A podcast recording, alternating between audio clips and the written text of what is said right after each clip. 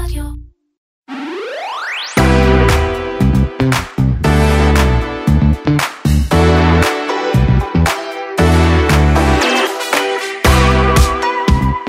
אקזיט של 600 מיליון דולר לחברת גרדיקור הישראלית מעלה את השאלה ממה נובעים פערי השווי העצומים בענף הסייבר הישראלי.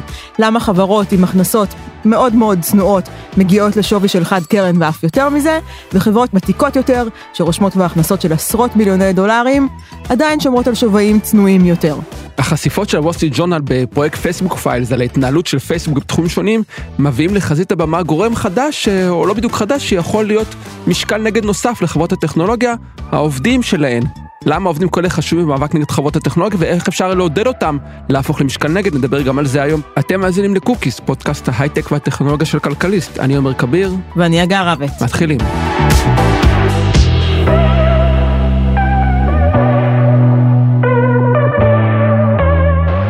הגר, שבוע שעבר היה עוד אקזיט גדול בהייטק הישראלי, גרדיקור, חברת סייבר, נמכרה ב-600 מיליון דולר לאקמאי האמריקאית.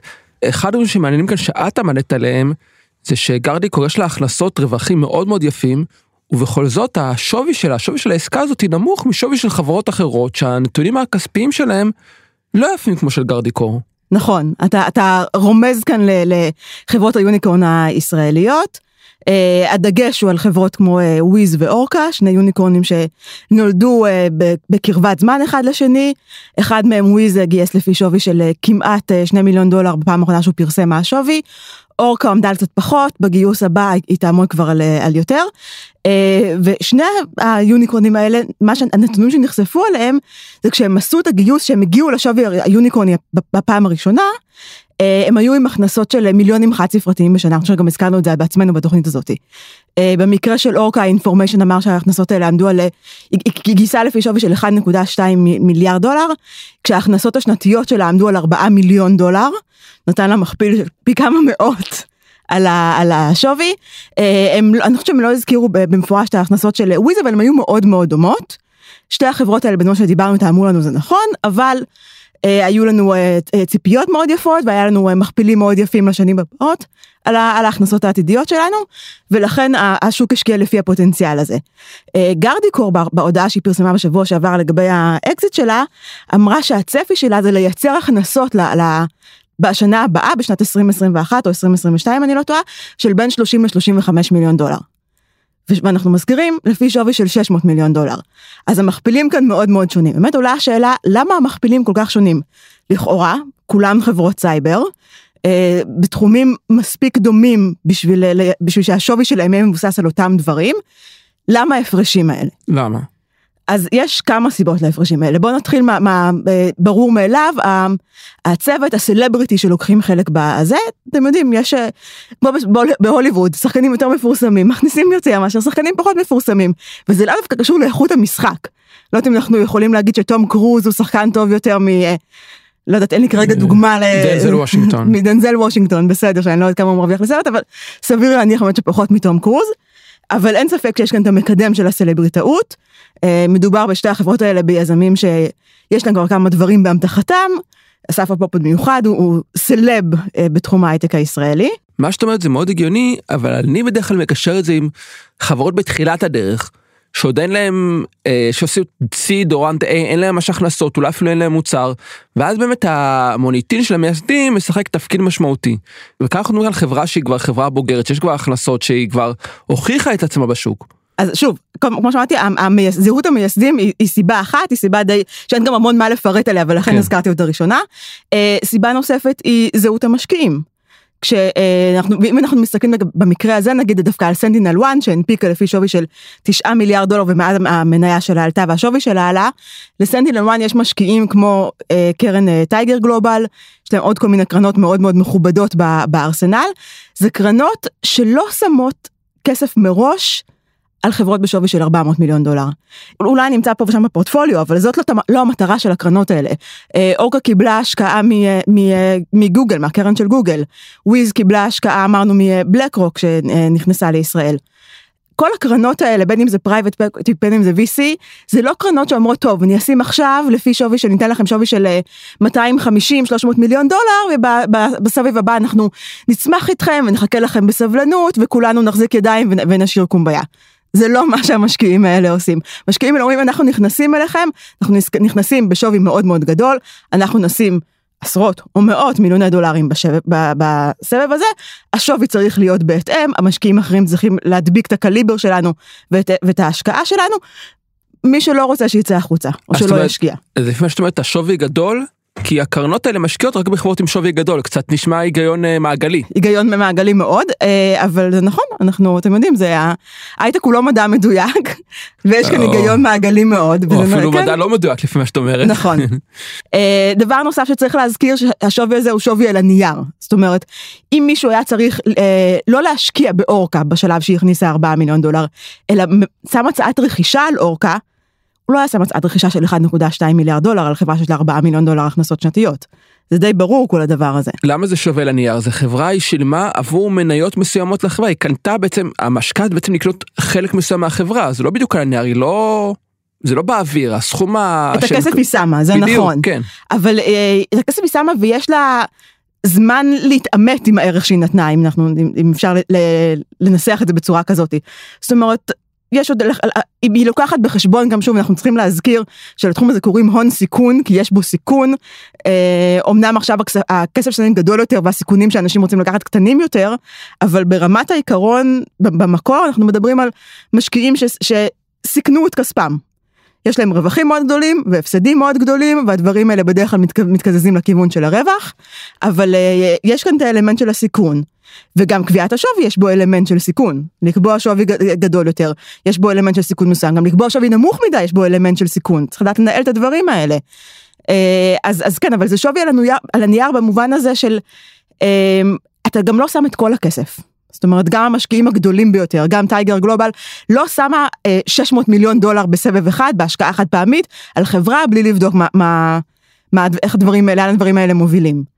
אה, גם אם היא תשים 600 מיליון דולר כבר זה יהיה בכמה סבבים, כל סבב מחדש תעשה את ה-due שלה במקרה הטוב. יש גם, יש גם מקרים שלא כמובן, אבל לרוב כן. היא תוודא שה-road map שהמייסדים הציגו לה בסבב הקודם, זה משהו שהם באמת עמדו בו, ולכן היא בהתאם תשקלל ותתאים את השווי שהיא נותנת בסבב הבא.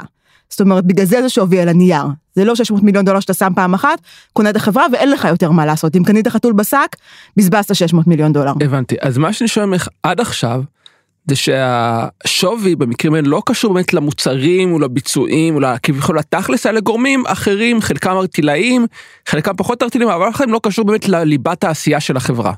זה לא לגמרי מדויק זה נכון ולא נכון כי הוא קשור לליבת העשייה של החברה הוא כן קשור למוצר.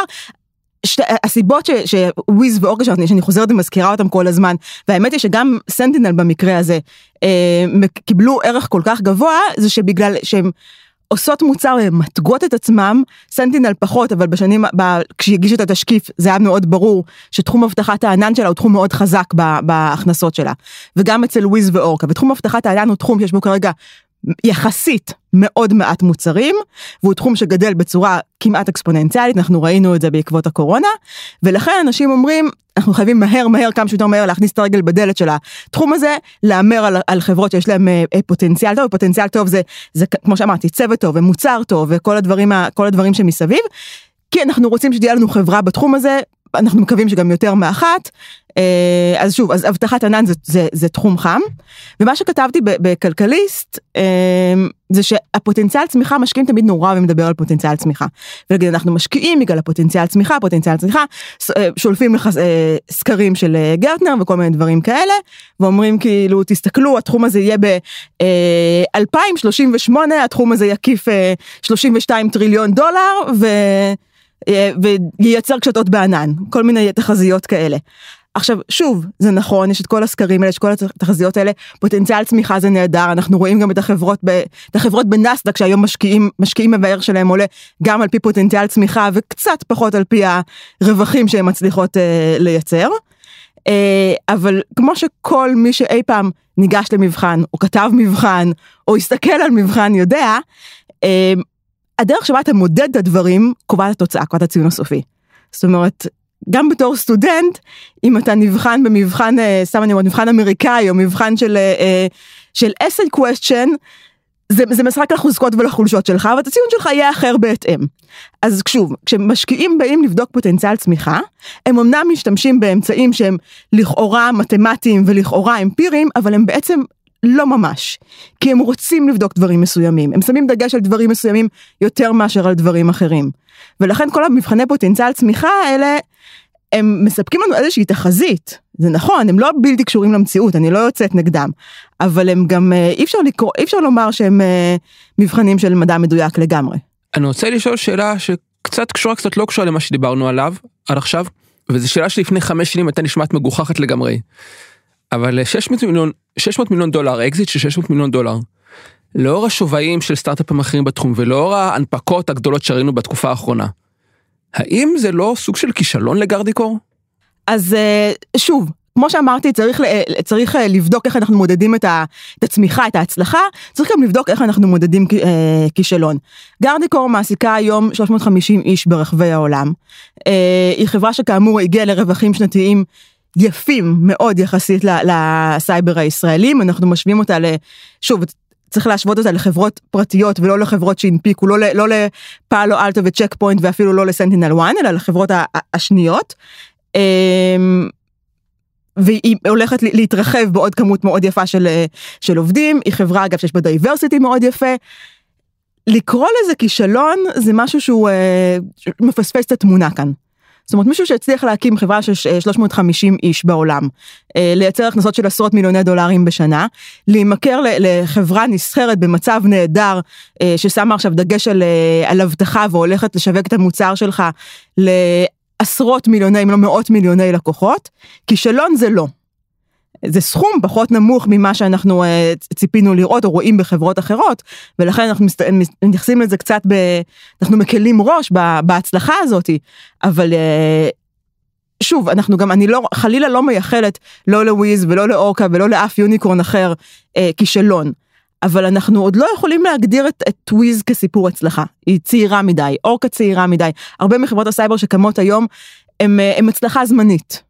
אז השאלה היא באמת איך אנחנו מגדירים הצלחה, אם אנחנו מגדירים הצלחה בסופו של דבר לפי כמה הקונה שילם עליה, או כמה אה, בעלי המניות רוצים לשלם עליה כשהיא מונפקת בבורסה, או אם אנחנו מגדירים, מגדירים הצלחה בתור חברה שמעסיקה מאות עובדים, יש לה מוצר שעובד, היא חברה יציבה, העובדים יודעים שהיא לא הולכת לשום מקום, הם לא חוששים לעתיד שלהם, הם קיבלו אגב עכשיו כמעט כל העובדים, אם לא כל העובדים, אה, קיבלו חבילת שימור מאוד מאוד יפה בעסקת הרכישה הזאת שהיא לא חלק מעסקת המזומן של הזה. אני חושבת שכישלון זה לא. ובכל זאת, יש איזה הערכות למה החברה אם באמת הולך לה כל כך יפה והמוצרים שלה מרוויחים והם נקראים למה לא המשיכה לגדול בצורה עצמאית למה לא הלכה יותר לכיוון של הנפקה והלכה דווקא לנתיב של אקזיט של מכירה לחברה אחרת. אז הדברים האלה אה, תלויים גם ב, ב, בזהות המייסדים. יש, יש מייסדים שהשווים האלה והדברים האלה יותר חשובים להם מלאחרים, וזה לא טוב או רע, לאו, לאו דווקא, זה פשוט אופי של בן אדם. זה גם, אגב, תלוי ב, בזהות הרוכשים הפוטנציאליים, נקרא לזה. אה, חלק מהסיבה שהאקזיטים בסייבר הם לא עצומים, זה כי תסתכל מי הרוכשות של, של חברות סייבר. רוב הרוכשות של חברות סייבר הן חברות שהן לא חברות סייבר בעצמן. זה חברות שזה מוצר הליבה שלהם הוא, הוא לרוב מוצר אחר, ואז הן רוכשות חברת סייבר, אבל הם לא יוציאו אליה מיליארדי דולרים, כי הם לא יוציאו סכום כל כך גדול, משהו שהוא לא מוצר הליבה שלהם, אה, ופשוט אין המון ענקיות סייבר. יש קצת, יהיו יותר בקרוב, אבל אם תסתכל על צ'ק אה, פוינט, היא נסחרת לפי שווי של נדמה לי 15-16 אה, מיליארד דולר בשבועות האחרונים, זאת לא חברה שהולכת להוציא מיליארדי דולרים על רכישה, אם היא תעשה רכישה, תעשה, תעשה רכישה של מאות מיליוני דולרים. מייקרוסופט הענקית שקונה הרבה מאוד חברות סייבר ויש לה אה, תחום מאוד חזק של אבטחת סייבר ב, בישראל, גם הוא לא תחום הליבה שלה, ולכן סביר להניח שאת הרכישות הענקיות שלה, זאת אומרת, רכישות כמו לינקדין, לא היו לו מקבילות בתחום הסייבר. בשבוע שעבר דיברנו כאן בהרחבה כל הפרק על תיקיות פייסבוק. כמו שצפינו הנושא הזה לא נרגע, עדיין, עדיין מדברים עליו, וכל הרעש הציבורי גם גרם לעובדי פייסבוק אה, להתחיל לדבר, בינתיים לא יותר מזה אם אני לא טועה, אבל עומר בוא דבר איתנו קצת על כוח לעובדים. כוח לעובדים או כוח של העובדים כן אמרת את זה נכון אז כאמור הסיפור המשיך להתרחב הניו יורק טיימס סליחה וול סטריט ג'ורנל פרסמו לדעתי עוד שתיים או שלוש כתבות בנושא עוד חשיפות או חלק follow-up ים מהמסמכים שהם קיבלו אה, על פייסבוק. ובאמת כמו שאמרת בתוך פייסבוק יש ממש סערה אמיתית בקרב העובדים לפי דיווח של הניו יורק טיימס המנהלים הבכירים מקדישים חלק ניכר מהזמן שלהם לכיבוי שרפות. אה, שמתעוררות מצד אה, העובדים, יש דיונים בפורומים פנימיים של החברה, העובדים אומרים שהם מתביישים בחברה שהם עובדים בה, אה, פרויקטים מסוימים שאמורים להיות מושלמים עוכבו או נדחו בגלל כל השיבושים שיש שם, אפילו זאת אומרת יש שם איזה סערה רצינית, משהו שם מתבשל, מתבשל כבר הרבה זמן, עכשיו נראה שהוא מגיע לנקודת רתיחה בעקבות החשיפה הזאתי, וזה מביא אותנו לנקודה שבעצם רציתי לדבר עליה, שהיא המשמעות של העובדים כשאנחנו באים לדבר על הגבלה או התמודדות עם ענקיות טכנולוגיה. עכשיו בעולם הזה של אה, פעילות נגד חברות טכנולוגיה או הגבלת כוחן יש הרבה כלים שמדברים עליהם רגולטורים, קנסות, חקיקה, תביעות משפטיות, לכולם יש את הבעיות שלהם, רובם אה, מסורבלים, לוקחים הרבה זמן, אה, צפויים להרבה כישלונות רבים. והאירועים האחרונים בפייסבוק וגם אירועים קודמים בחברות אחרות כמו גוגל, אמזון ואפל, מבהירים ש... יש אלמנט מאוד משמעותי שלא זוכר מספיק תשומת לב בנושא של uh, התמודדות עם המונופולים האלה וזה העובדים עצמם. העובדים שם זה כוח מאוד גדול בין מאות אלפים ליותר מיליון בכל חברה. רובם אה, כשלא מדובר באמזון שם רוב העובדים זה עובדי מחסנים אבל ברובם בחברות אחרות זה עובדים מאוד משכילים מאוד מבוקשים בשוק מאוד מוכשרים אה, בראש נמצאים בשיא הסולם של הקריירה שלהם אה, אידיאולוגים או מיודעים מאוד. ורובם כבר הצטרפו, לח... או חלק ניכר הצטרפו לחברות האלה בתקופה שהתדמית שלהם הייתה קצת אחרת, שכן היה הרגשה שאתה בא לשנות את העולם, או לפחות לעבוד בתאגיד שהוא לא תאגיד מרושע כמו התאגידים של פעם. זאת אומרת, הצטרפו מאיזה אלמנט אידיאולוגי כלשהו, וראו איך החברות האלו, איך התדמית שלהן, או איך התפיסה שלהם את החברות האלה משתנה סביבם. והעובדים האלה יכולים להיות כוח מאוד משמעותי בניסיונות לשנות את ההתנהגות של החברות האלה ואני חושב שדיברנו על זה בשבוע שעבר על כך שפייסבוק היא חברה לא לגיטימית היא חברה שאין לה באמת אינטרס לפעול מעבר להכנסות ולרווחים שלה וכל מקום שיש התנגשות עם אינטרס אחר היא תמיד תבחר את הצד של ההכנסות. והעובדים יכולים להיות דרך לשנות את זה. מצד שני אבל עומר אנחנו מדברים על, מדברים על תחום אה, והזכרת את אה, אמזון אבל אה, אמזון היא, היא חברה מסוג קצת שונה כן. בתחום של הטק באמת, אבל אנחנו מדברים על, על תחום, תחום הטק ב, ב, ב, באופן כללי, זה תחום שאין בו אה, התאגדויות עובדים. זאת נכון. אומרת קצת קשה גם בוא נגיד שגם אם יש איזושהי אווירת מחאה אין איזשהו גוף שמרכז את הדברים האלה וזה קצת יותר קשה להוציא משהו לפועל לא נכון זה אחת הבעיות שם אה, אין גוף שמרכז אה, יהיו ניסיונות התאגדות גוגל היה ניסיונות התאגדות יחסית משמעותי לא ממש צבא, אמזון כמו שאתה אומר, ניסוי התאגדות בקרב עובדי המחסנים, זה פחות רלוונטי כי הכוח שלהם הם מאוד, הם מאוד ריפלייסיבול, הכוח שלהם להשפיע על החברה לעומת עובדי ההייטק של החברה, פחות משמעותי אז באמת פחות רלוונטי. זאת אחת הבעיות עם הסתמכות על העובדים. מצד שני כן נוצרת בתקופה האחרונה תדמית אה, מאוד שלילית לעובד בחברת הייטק. תיעוד עובד בענקית טכנולוגיה לא הייטק בכלל אלא בענקית טכנולוגיה כמו פייסבוק כמו אפל כמו גוגל כמו אמזון אפל פחות אולי כמו גוגל אמזון בעיקר השלוש חברות האלה. וזה לא כל כך כיף לשבת אה, סביב אה, שולחן החג אה, בטנקס גיבין או בפסח איפה שזה לא יהיה ולספר שאתה עובד בפייסבוק שהרבה מאוד אנשים מימין ומשמאל שונאים עכשיו את פייסבוק זה לא כמו שהיה פעם שאנשים העריצו אותך אמרו איזה כיף אתה עובד בפייסבוק. אז זה גם אלמנט שמשפיע עובדים. מתחילים להרגיש ואנחנו רואים את זה לא בנוח בעבודה בחברות האלה. אה, בפייסבוק יש עכשיו עובדים שמאיימים בהתפטרויות אה, מסיביות. אה, יש להם כוח, יש להם כוח להשפיע, הם כבר הצליחו בעבר. הנושא של התנגדות הוא בעייתי, אבל אם החברות ימשיכו בשלהן, והדיסוננס ביניהן לבין העובדים שלהן יגדל, אז גם זה יכול להשתנות. מצד שני אנחנו רואים את המחאה של העובדים והחברות אה, אה, שמנסות להרגיע או לא מנסות להרגיע אבל גם אה, משלמות משכורות ענק ומציעות אופציות ואולי זה לא כל כך קל לעזוב. זה לא כל כך קל לעזוב נכון אבל צריך לזכור שהעובדים האלה הם מאוד מבוקשים בכל מקום שהם ילכו אליו. זאת אומרת הם עושים יעזבו את פייסבוק או אפילו החליטו לעבוד בענקית טכנולוגיה יש מלא חברות מהטיר השני של, הטכ... של אה, חברות הטכנולוגיה כמו סיילספורס או שמות אחרים שעולים עכשיו בראש שישלמו להם יפה כדי שיעבדו שם. הרבה סטארט-אפים שיחפשו עובדים כאלה כדי להכניס אותם לתפקידים בכירים מההתחלה יותר בכירים מה שהם עכשיו. לעובדים האלה יש הרבה אה, קשרים שהם יכולים לשמש כדי ללכת להקים חברה משלם, זאת אומרת שיש להם אופציות, אופציות שיכולות מאוד מושכות מאוד רווחיות אפילו. יכול להיות שלא יהיו רווחיות כמו שהם עכשיו באנרגיה הטכנולוגיה באמת יש קצת בעיה שדיברנו על זה של אה, עיוות משכורות.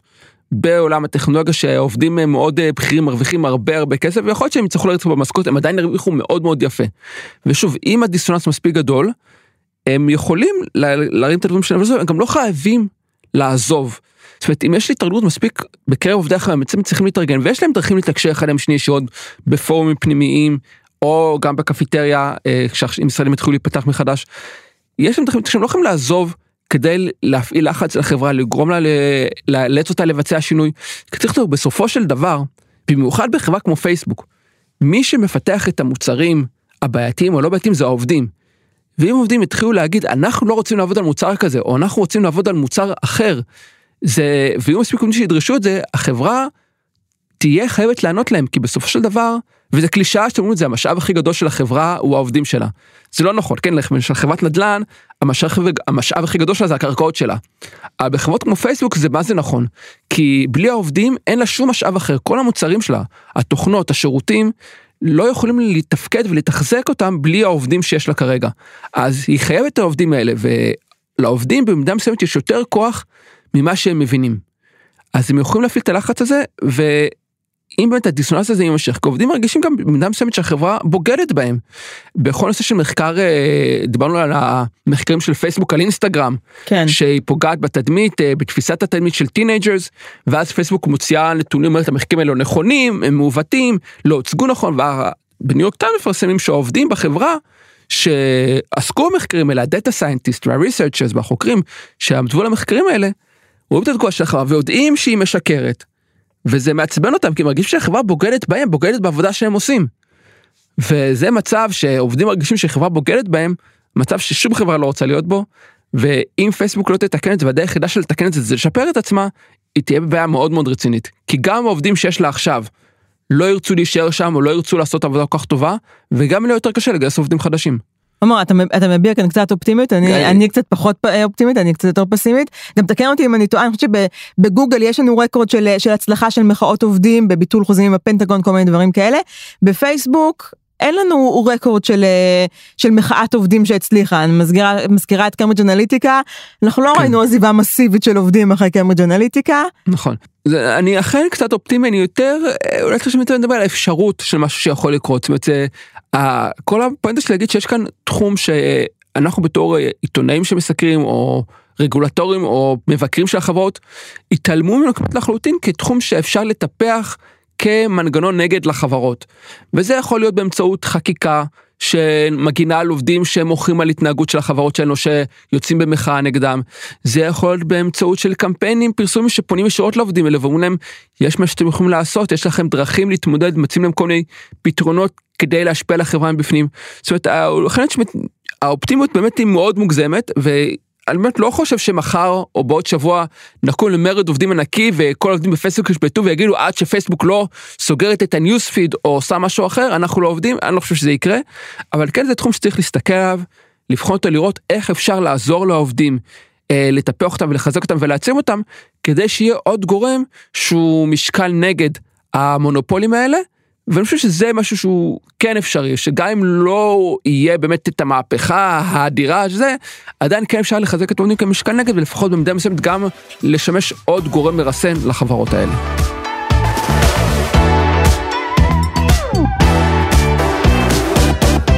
מהקוקיז אנחנו עוברים לקוקיות, ועומר אתה עם המלצה מקורית במיוחד השבוע. מקורי. מדיום שאנחנו עוד לא נתקלנו בו. תשמעי זה לפחות לא סדרה או סרט שזה כבר התחדשות אז אני רוצה להמליץ על הספר החדש של אה, קולסון וייטהד הרלם שפל. אה, קולסון וייטהד הוא המחבר אה, של The Underground Railroad שהייתה סדרה של אמזון שלא המלצנו עליה כאן המלצנו על הספר שהוא מבססת עליה את המלצת יותר נכון והתחלתי את הספר החדש זה רומן פשע סלאש סאגה משפחתית שמתרחשת בארלם בסוף שנות ה-50 תחילת שנות ה-60 אה, במרכז העלילה אומר, אה, במרכז העלילה עומד סוכן רהיטים, סוחר רהיטים בשם קרני, שמהצד הוא גם מה שקרוי פנס, הוא סוחר אה, או מלבין סחורה גנובה. מה שמבעיה שהיא מספרת, לפחות החלק השני מספר על הייסט, אבל מתחיל לא בהייסט עצמו, אלא אחרי ההייסט, מה עושים עם הסחורה הגנובה, מה שקורה אחר כך. מבהיר מאוד יפה את האווירה של החיים בהרלם בשנות ה-60 על רקע תנועת זכויות האזרח, כתוב יפה, קומיליטי, מצחיק, יותר קליל מ-The Underground Railroad, והגר, הקוקייה שלך. אה, אז אני קצת מתקשה להיכנס לבינג'ים בנטפליקס בתקופה האחרונה, אני מעדיפה את הסדרות שמגיעות אה, פרק פרק בשבוע, אין לי כוח למחויבות אה, זה. גם זאת יכולה להיות המלצה בהזדמנות, אבל לא השבוע, סליחה שקטעתי, תמשיכי. לא, אבל, אבל אני ממלאה את זמני הפנוי עם, עם צפייה ביוטיוב. אה, ולמי שלא שם לב לחוט המקשר בהמלצות שלי ביוטיוב אז רוב הדברים שאני רואה ביוטיוב זה אה, ולוגרים שעושים אה, דברים על קולנוע. וולוגרית שנתקלתי בה בשבועות האחרונים זה מישהי שהפייג' שלה נקרא be kind rewind. והיא עושה וידאוים שמתמקדים כל פעם. אה, זוכת, זוכת אוסקר אחת, שחקנית שזכתה באוסקר לשחקנית הטובה ביותר באותה שנה, ומהווידאו הזה היא יוצאת החוצה להסביר איך הוליווד נראתה באותה שנה, אה, איך הפוליטיקה האמריקאית נראתה באותה שנה, ומה התהליכים שהובילו לזכייה של השחקנית הזאת דווקא, ולא לשחקניות אחרות. אה, אחד הפרקים היותר מוצלחים למשל זה הפרק על, על הזכייה המעוררת המחלוקת נקרא לה בעדינות של גווינט פלטרו. שממנו... שייקספיר מאוהב, שהוצגה סרט באותה מזעזע, שנה. משחק מזעזע, תסריט מזעזע, הכל מזעזע בו. שהדיווח על הזכייה שלה על דה אורלי יניב בגלי צה"ל הציג אותה כגבינת פלטרו. זה אני אה, פחות הקשבתי לאוסקר ברדיו אבל יפה שאתה מוסיף את האנקדוטה הזאתי אה, אבל זה הוציא אותה לפרק של אה, כ-25 דקות על על כוחו של הרווי ויינשטיין באותם שנים בהוליווד ועל אבל איך הוא בעצם שינה לגמרי את את את הוליווד מהקצה אל הקצה לא רק בגלל שהוא היה ענה סדרתי אלא בגלל הכסף הגדול שהוא הזרים לתחומים מסוימים ולא לתחומים אחרים. בקיצור, צפייה מרתקת, יש לה אה, כמה עשרות פרקים, כל אחד מהם נע בין רבע שעה לחצי שעה, רובם ככולם על, אה, על טקסי אוסקר.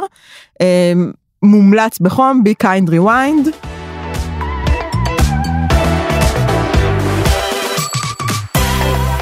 אלה היו ה cookies והקוקיות שלנו השבוע, תודה לאופיר גל מסוף הסאונד. אני הגר רבט. ואני עומר כביר. אם אהבתם, חפשו אותנו ב Apple Podcast, Spotify, Google Podcast, או איפה שאתם שומעים את הפודקאסטים שלכם וירשמו אלינו. להתראות בשבוע הבא. ביי.